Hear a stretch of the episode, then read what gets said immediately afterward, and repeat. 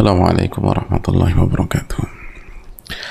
بسم الله الرحمن الرحيم. الحمد لله رب العالمين. نحمده ونستعينه ونستغفره ونعوذ بالله من شرور أنفسنا ومن سيئات أعمالنا. من يهده الله فلا مضل له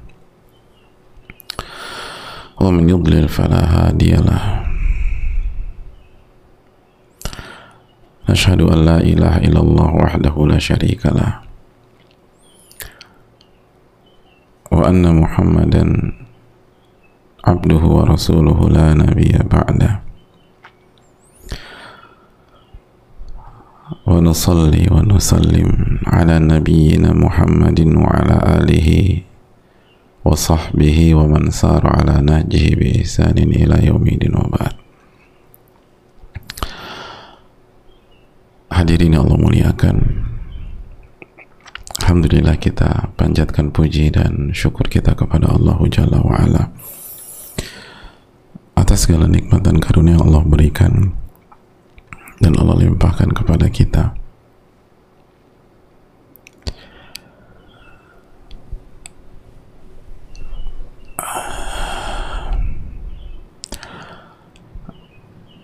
Dan nikmat itu sangat banyak dan tidak mungkin kita hitung atau kita kalkulasikan.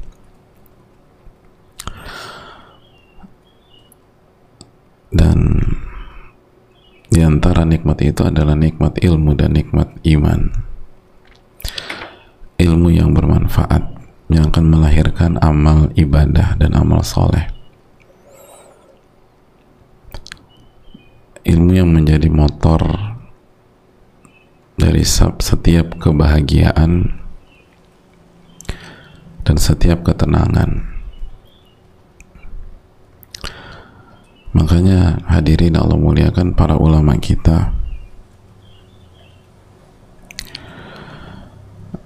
Itu bertekad untuk terus belajar. Bertekad untuk terus menuntut ilmu sampai mereka wafat walaupun ilmu mereka sudah sangat luas.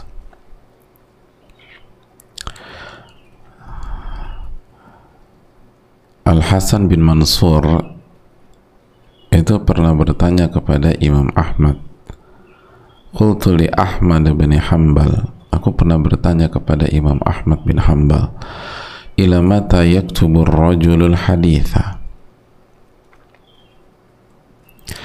Sampai kapan seseorang itu mencatat hadis-hadis Nabi Shallallahu Alaihi Wasallam? Maksudnya sampai kapan dia belajar? apakah sampai jadi ulama kalau sekarang sampai lulus S1 terus dapat gelar baccalaureus atau LC atau dapat gelar MA atau dapat gelar doktor itu sampai kapan dia belajar kata Imam Ahmad ilal maut. Sampai wafat. Bukan sampai ijazah.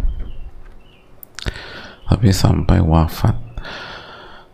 Karena menuntut ilmu itu ibadah dan kunci kebahagiaan. Jadi para ulama itu belajarnya sampai wafat hadirin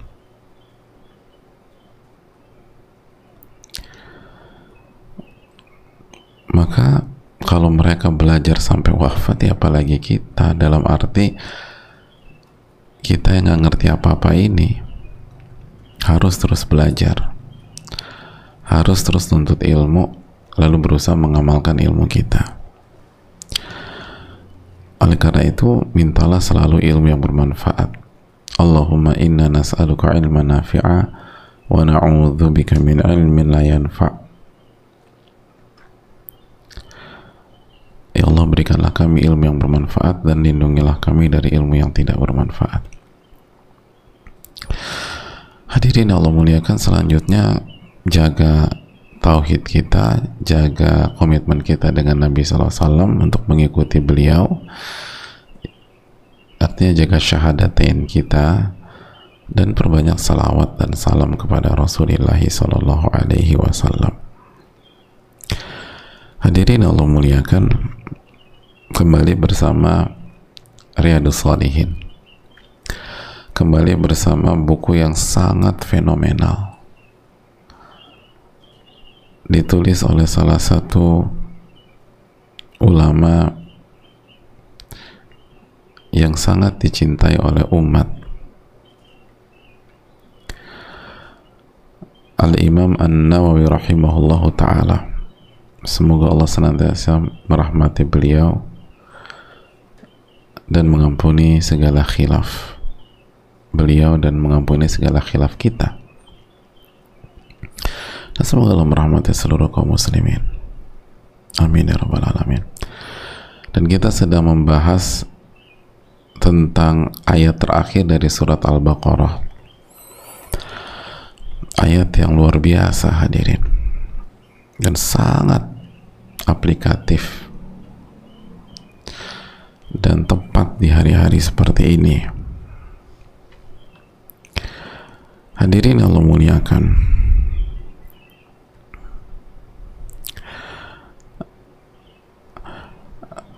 Kemarin kita sudah membahas tentang Rabbana wala tahmil alaina isran kama hamaltahu ala alladhina min qablina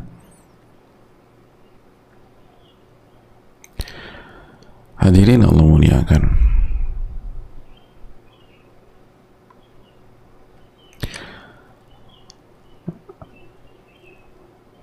Yang artinya Masih ingat kata isar apa? hadirin Allah muliakan isr itu adalah sesuatu hal yang berat tapi kita tuh bisa mengerjakannya dengan segala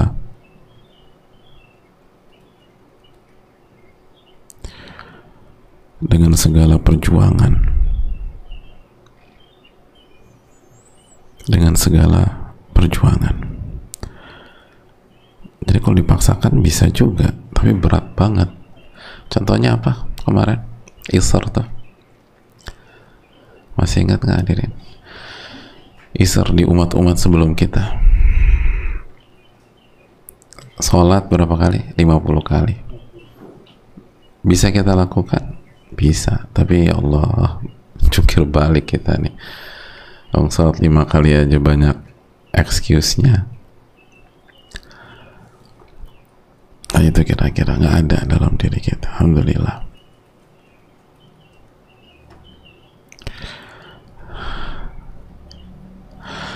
Hadirin Allah muliakan.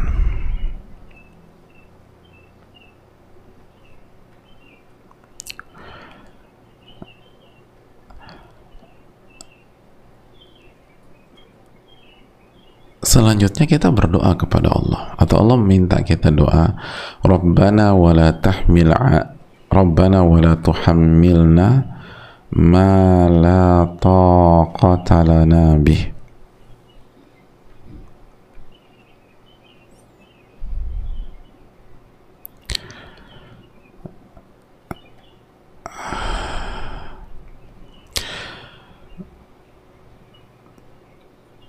Apa artinya? Wahai Rabb kami,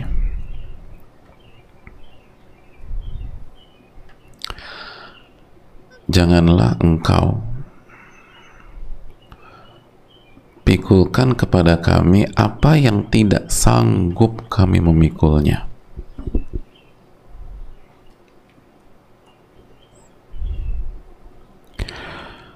Apa yang tidak sanggup kami memikulnya.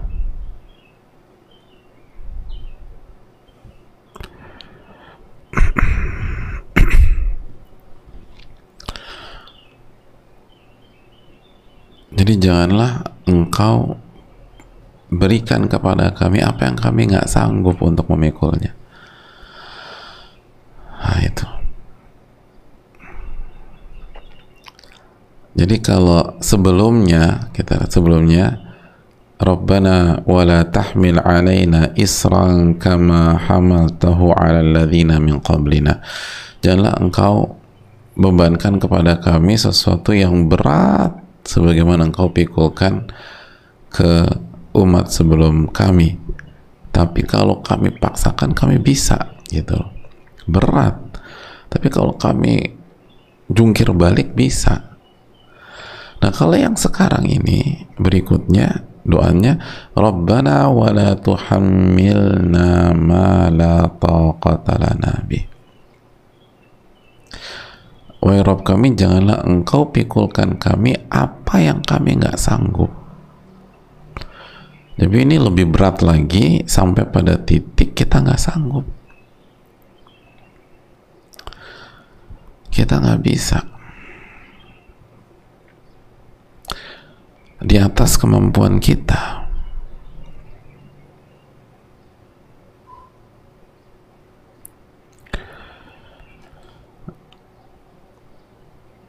Gitu ya, Pak. Jadi kita minta kepada Rabbana wala tuhammilna ma la taqata lana bih. Wahai Rabb kami jangan tolong jangan berikan kami beban yang kami nggak sanggup. Beban yang kami nggak sanggup.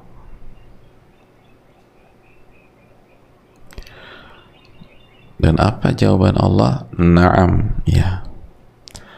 Jadi kalau kita berdoa ini Allah kata naam ya. Qad fa'altu, aku kabulkan.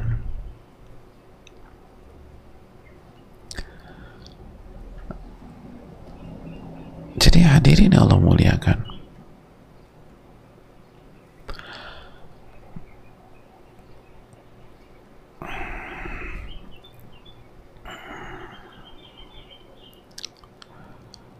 Rabbana wa la tuhammilna ma la taqata lana bih. Jangan engkau bebankan kami apa yang kami nggak sanggup. Hadirin yang Allah muliakan. Apa pelajaran yang bisa kita petik dari sini? Yang pertama, tentu saja perbanyak baca doa ini dan ayat ini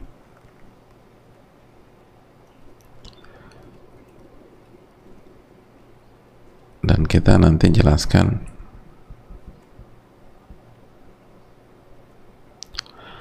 Bahwa ayat ini disunahkan dibaca setiap malam. Gitu. Setiap malam. Nanti kita insya Allah baca hadisnya.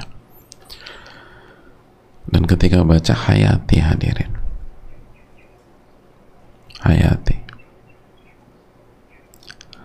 resapi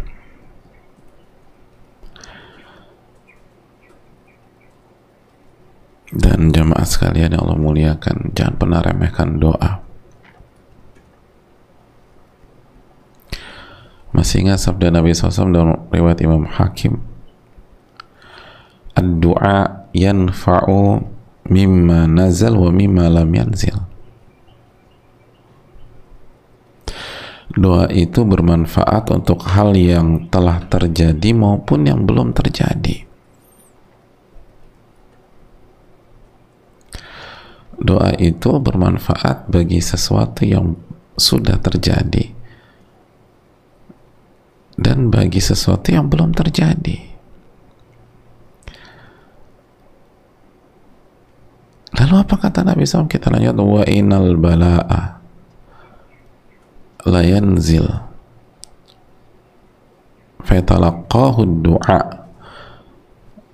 Dan sesungguhnya bencana itu turun lalu bencana itu akan bertemu dengan doa.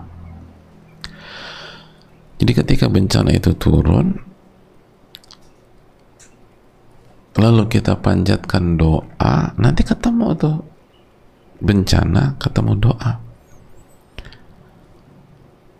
fayatalijani ila yaumil qiyamah.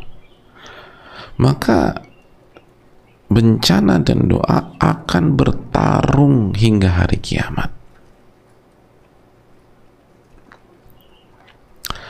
Akan bertarung sampai hari kiamat.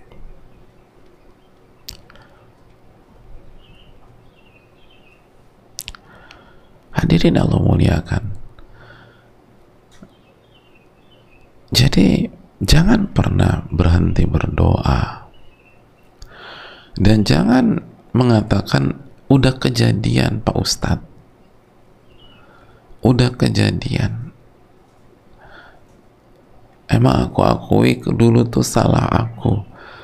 Udah kejadian ingat hadis ini ad-du'a yanfa'u mimma nazal wa au mimma lam yanzil. Atau wa mimma ad-du'a yanfa'u mimma nazal wa mimma lam yanzil doa itu bermanfaat untuk hal-hal yang sudah turun dan hal-hal yang belum turun Jadi nggak ada kata terlambat untuk berdoa.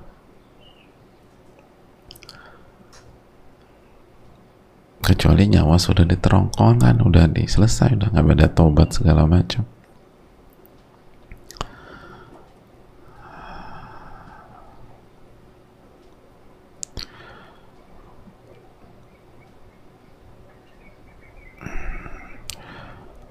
Kemarin aku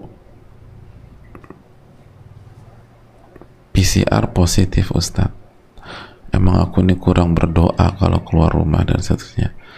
Ya udah perbanyak istighfar terus perbanyak doa. Jadi jangan down jangan pesimis.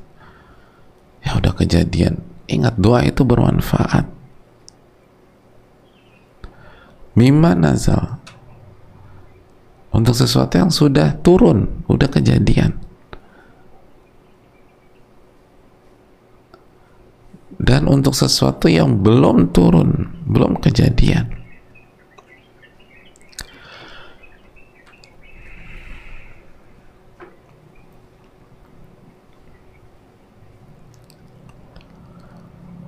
Jadi nggak ada alasan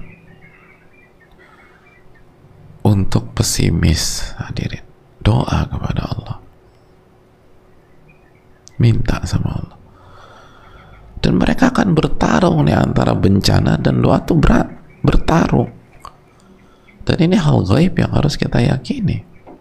Karena disampaikan oleh Rasulullah SAW yang nggak mungkin bohong.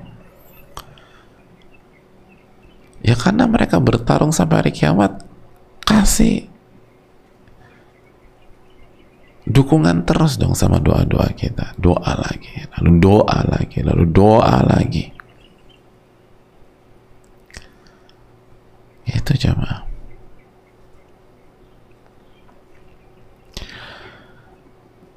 dan di antaranya baca ayat ini. Rabbana wa la tahmil alaina isran kama hamaltahu ala alladhina min qablina. Rabbana wa la tuhammilna ma la taqata lana bih. Hayati jangan sampai engkau berikan sesuatu yang aku nggak sanggup yang aku nggak sanggup.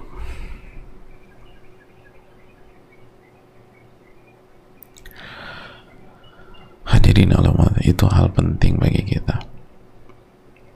Doa itu luar biasa.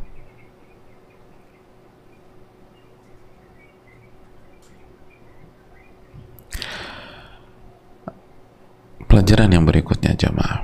Apa yang dimaksud dengan ma la taqata lana bih ma la taqah apa yang apa yang dimaksud dengan ma la taqah ma la taqata lana bih sesuatu yang kami nggak sanggup. Apa sih yang dimaksud dengan kami tidak apa yang kita nggak sanggup? Catat baik-baik bisa dicek dalam tafsir Al-Imam Ibnu Kathir yang kita nggak sanggup itu artinya atau tafsirnya minat taklif. Yang pertama dari taklif. Dari beban syariat Makanya ulama mengatakan tidak ada perintah dan larangan yang di luar kemampuan manusia secara normal. dan kalau dia dalam kondisi tidak normal sehingga dia tidak bisa maka kaidah fikih mengatakan la wajiba ma'al ajaz. Tidak ada kewajiban kalau kita nggak mampu. Kalau nggak mampu bayar zakat yang ada kewajiban nggak mampu haji nggak ada kewajiban jadi taklif. Adapun larangan sudah kita bahas larangan itu mau kita mampu meng menghindarinya. Kenapa? Karena larangan itu masuk ke dalam kaf menahan sebuah gerakan atau langkah atau effort. Jadi nggak ada kaitannya dengan ketidak mau eh, nggak ada nggak ada alasan mengatakan kita nggak mampu karena cukup diam aja untuk meninggalkan larangan.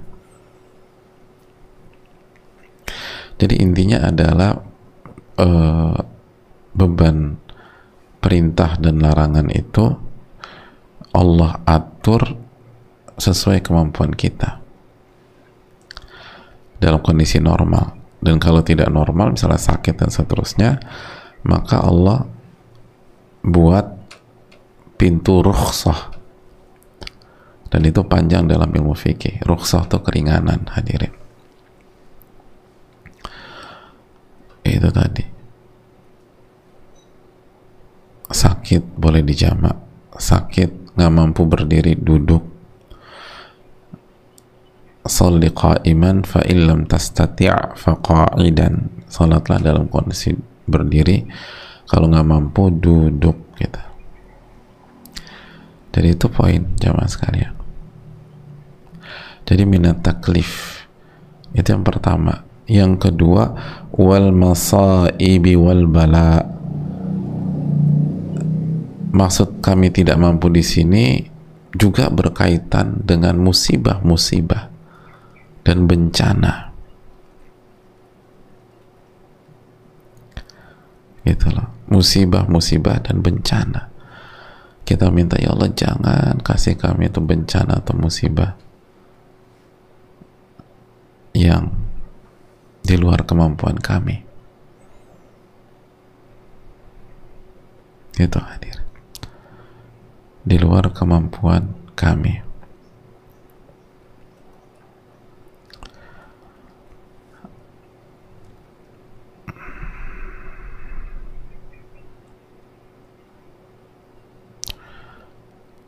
Jadi minta kepada Allah Subhanahu wa taala. Jangan sampai kita kena musibah atau bencana di luar kemampuan kita.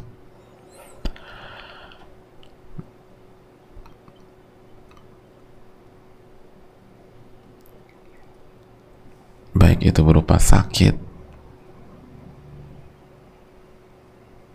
atau kecelakaan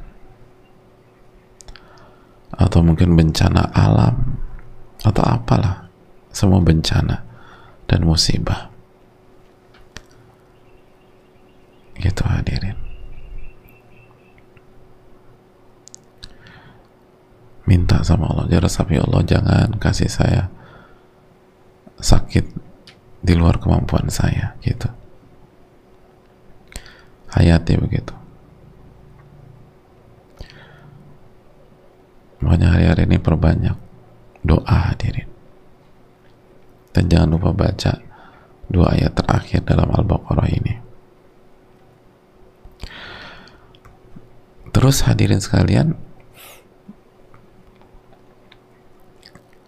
ada dua hal lagi yang ditekankan oleh sebagian para ulama ketika mentafsirkan ayat ini sebagaimana yang disampaikan al-imam Makhul. Beliau menyampaikan ada dua makna ma la taqata nabi yaitu al-gurbah wal gulmah. Apa itu al-gurbah wal gulmah? Al-gurbah itu keterasingan. Kita hidup terasing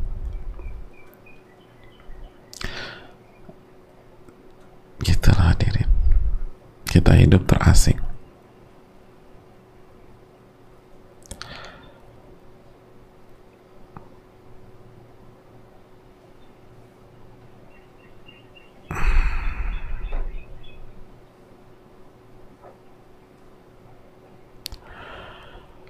jauh dari keluarga atau kampung halaman itu juga bisa.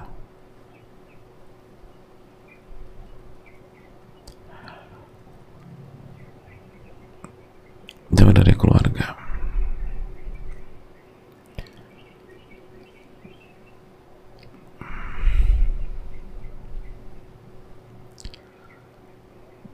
Karena nggak enak tinggal terasing hidup terasing tuh nggak enak. Ada wahsyah kata para ulama. Ada, ada ketidaknyamanan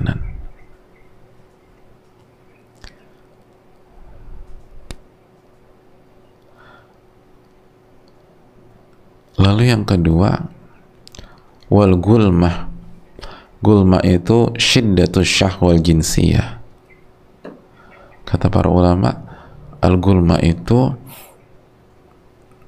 adalah besarnya syahwat. Jadi besarnya nafsu syahwat jinsiyah untuk berhubungan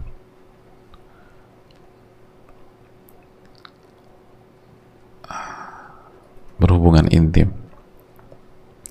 Itu gulmah. Jadi syahwat yang meledak-ledak yang nggak bisa dikontrol yang sulit dikendalikan.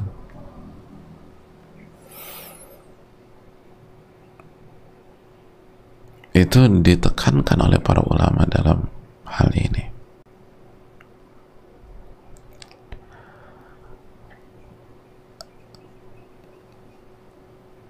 itu hadirin.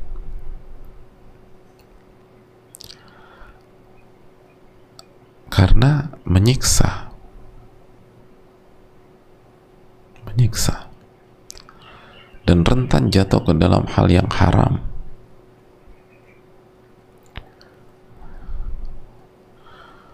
Makanya kan Nabi SAW ya, ya ma'syarah syabab man istata'a minkumul ba'ah falyatazawwaj. Wahai anak muda kalau anda sudah punya kemampuan maka menikahlah karena itu lebih menundukkan pandangan dan lebih menjaga kemaluan dan di antara makna ba'ah kemampuan itu kemampuan kemampuan berhubungan di antara maknanya dijelaskan para ulama.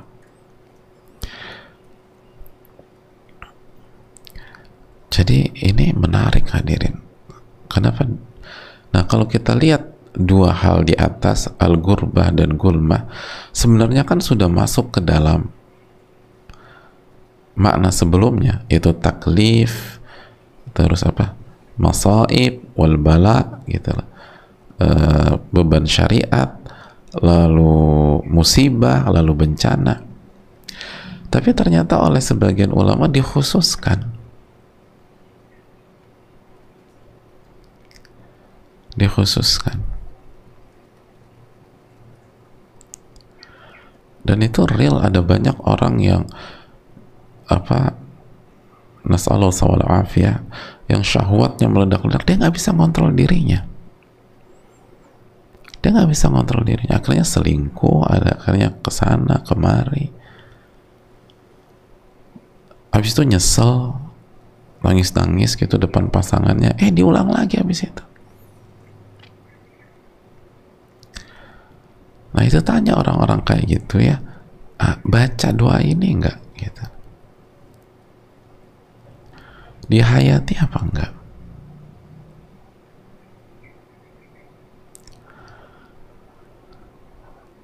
Itu jamaah sekalian. Dan yang lebih berat lagi ketika dua hal ini bertemu. Al-gurbah wal gulmah. Hidup di negeri asing atau hidup jauh dari keluarga dan kampung halaman terus syahwatnya meledak-ledak. Ya kalau Allah nggak tolong tuh kemungkinan udah zina udah. Kalau nggak ada siapa-siapa dia nggak nanggung malu. Nggak ada orang nggak ada yang kenal saya ini di sini saya bebas ngelakuin apa aja. Apalagi kalau dia berada di negeri yang sangat bebas. Yang bisa cuman kenalan satu ketemu di tempat makan atau tempat hiburan lalu bisa buka kamar.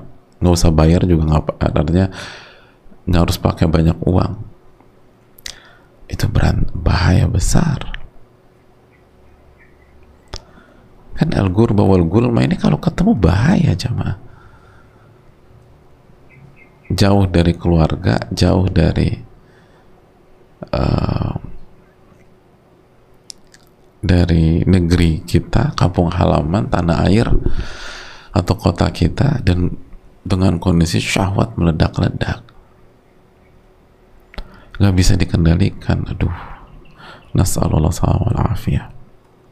Semoga Allah kasih keselamatan buat kita.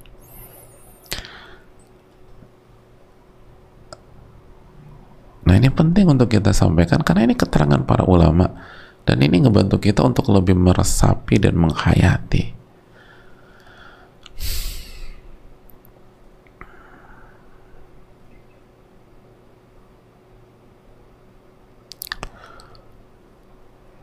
dan menarik juga apa salah satu mana itu? Al gurbah jauh dari keluarga.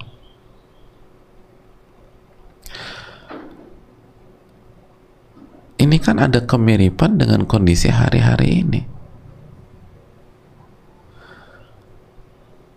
Di mana ketika seseorang positif harus menjalani masa isolasi. Dan walaupun secara jarak dia dekat tapi otomatis dijauh apa bukan dijauhkan.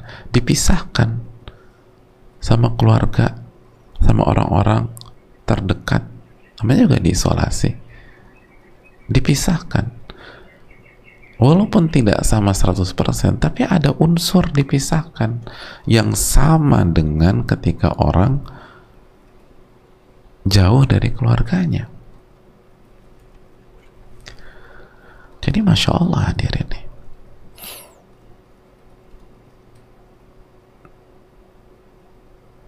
makanya baca doa ini hadirin. Baca. Rabbana wa la tuhammilna ma la taqata lana dan berat kan makanya salah satu yang membuat COVID-19 ini berat. Illa man khafafahullah kecuali orang yang Allah ringankan itu kan ada unsur dipisahkan itu kan? Dipisahkan itu gak mudah. Sendiri gitu. Masih ingat sabda Nabi innama ya'kulu dhi'bu minal ghanamil qasiyah. Sesungguhnya yang diserang dan dimakan oleh serigala itu adalah do kambing atau domba yang terpisah dari rombongannya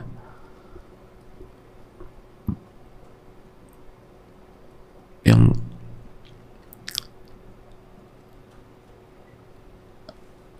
serigala ini siapa? Syaitan. Kambing itu atau domba itu kita. Jadi ketika kita terpisah dengan sendirian, oh itu diganggu sama syaitan hadirin. Makanya kan kamar apa kamar di rumah sakit kan kalau covid beda. Ada apa terali. Di jendelanya. Terus jendelanya nggak bisa dibuka uh, sebagian ya. Nggak bisa dibuka. Lebar-lebar. Kenapa? Biar orang nggak loncat baik mau kabur atau mau bunuh diri karena kasus itu udah ada nggak mudah orang dipisahkan dengan keluarga atau sekelilingnya lingkungan tuh berat ya ma. Jadi jangan kita meremehkan apa susahnya sih. Eh hati-hati jangan. Nanti anda diuji dengan omongan anda berat, berat. Kecuali Allah tolong. Wong kondisi normal aja berat, apalagi ini kondisi kok positif. Kondisi ada demam kondisi sesak nafas. Nasallallahu salam wal afiyah wa na'udhu bila na'udhu bila min dhalika ya Rabb gitu jemaah jadi ada unsur diasingkan walaupun tidak tidak 100% ada unsur dipisahkan. Al-gurbah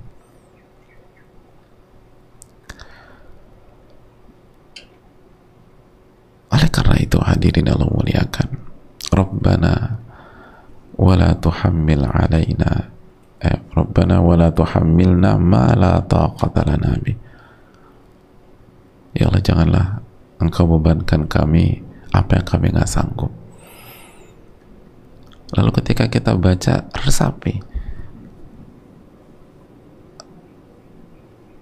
perintah dan larangan doa semoga kita sanggup. Lalu jangan kasih musibah yang kami nggak sanggup. Sampai, jangan kasih bencana yang kami nggak sanggup. Lalu secara khusus jangan kasih keterasingan bagi kami. Jangan kasih syahwat yang meledak-ledak. Gitu hadirin. Nah ini resapi resapi resapi resapi hayati dalam hati. Gitu.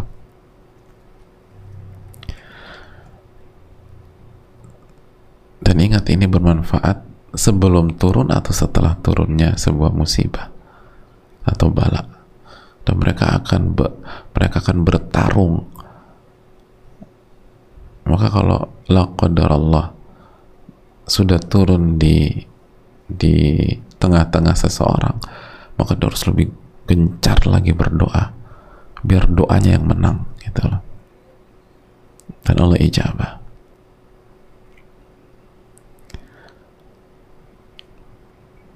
fokus fokus fokus dan yakin sama Allah tabaraka wa ta'ala.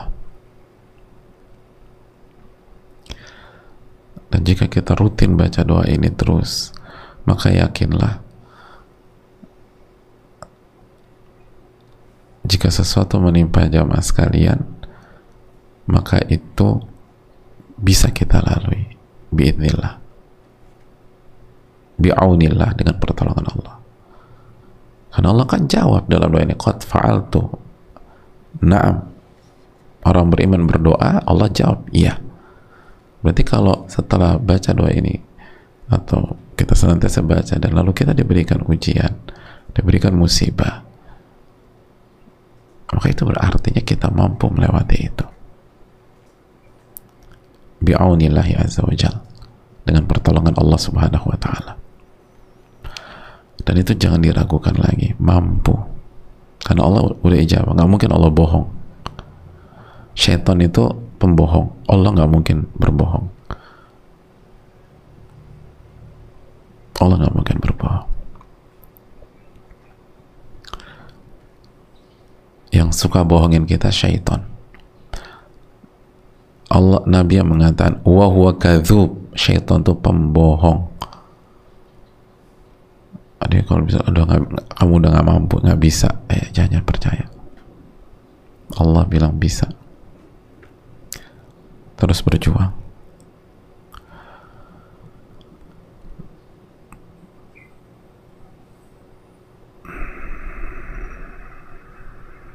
Itu hal penting. Dan terbukti hadirin. Ada orang-orang yang walaupun diisolasi tapi dia nggak merasa terasing dan sendiri loh. Subhanallah. Itu nggak merasa terasing maupun ter apa e, merasa hidup sendiri enggak tenang hatinya hadirin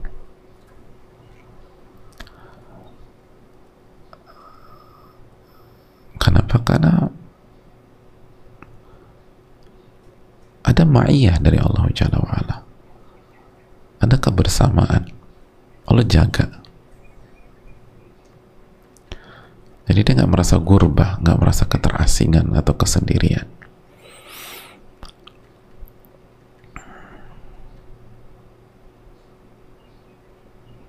Dan sebaliknya hadirin. Ada banyak orang merasa hampa dan terasing di tengah keramaian. Allahu Akbar. Dia berada di sekeliling orang-orang. Tapi dia merasa hampa dan asing. Bahkan yang lebih ironi dan tragis lagi ada orang-orang.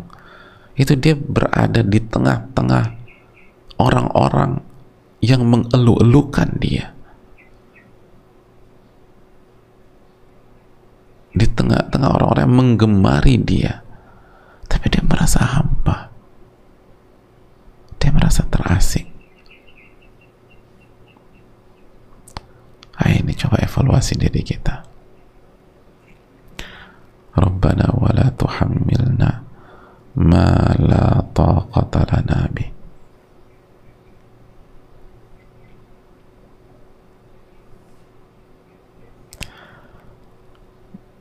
ini yang bisa disampaikan semoga bermanfaat. Kita cukupkan. Insyaallah sesi tanya jawab besok insyaallah taala. Semoga Allah memberikan taufik dan kemudahan. Semoga kita mendapatkan ilmu yang bermanfaat. Dan perbanyak doa di hari-hari ini jamaah dan semoga semua kita yang sedang sakit di hari-hari ini ditolong oleh Allah wa ta'ala dan diberikan taufik untuk selalu berdoa selalu yakin dengan Allah. Diberikan taufik untuk optimis. Yu'jibunil fa'lu Nabi itu suka dengan optimisme. Dan semoga Allah mengampuni segala khilaf dan dosa-dosa kita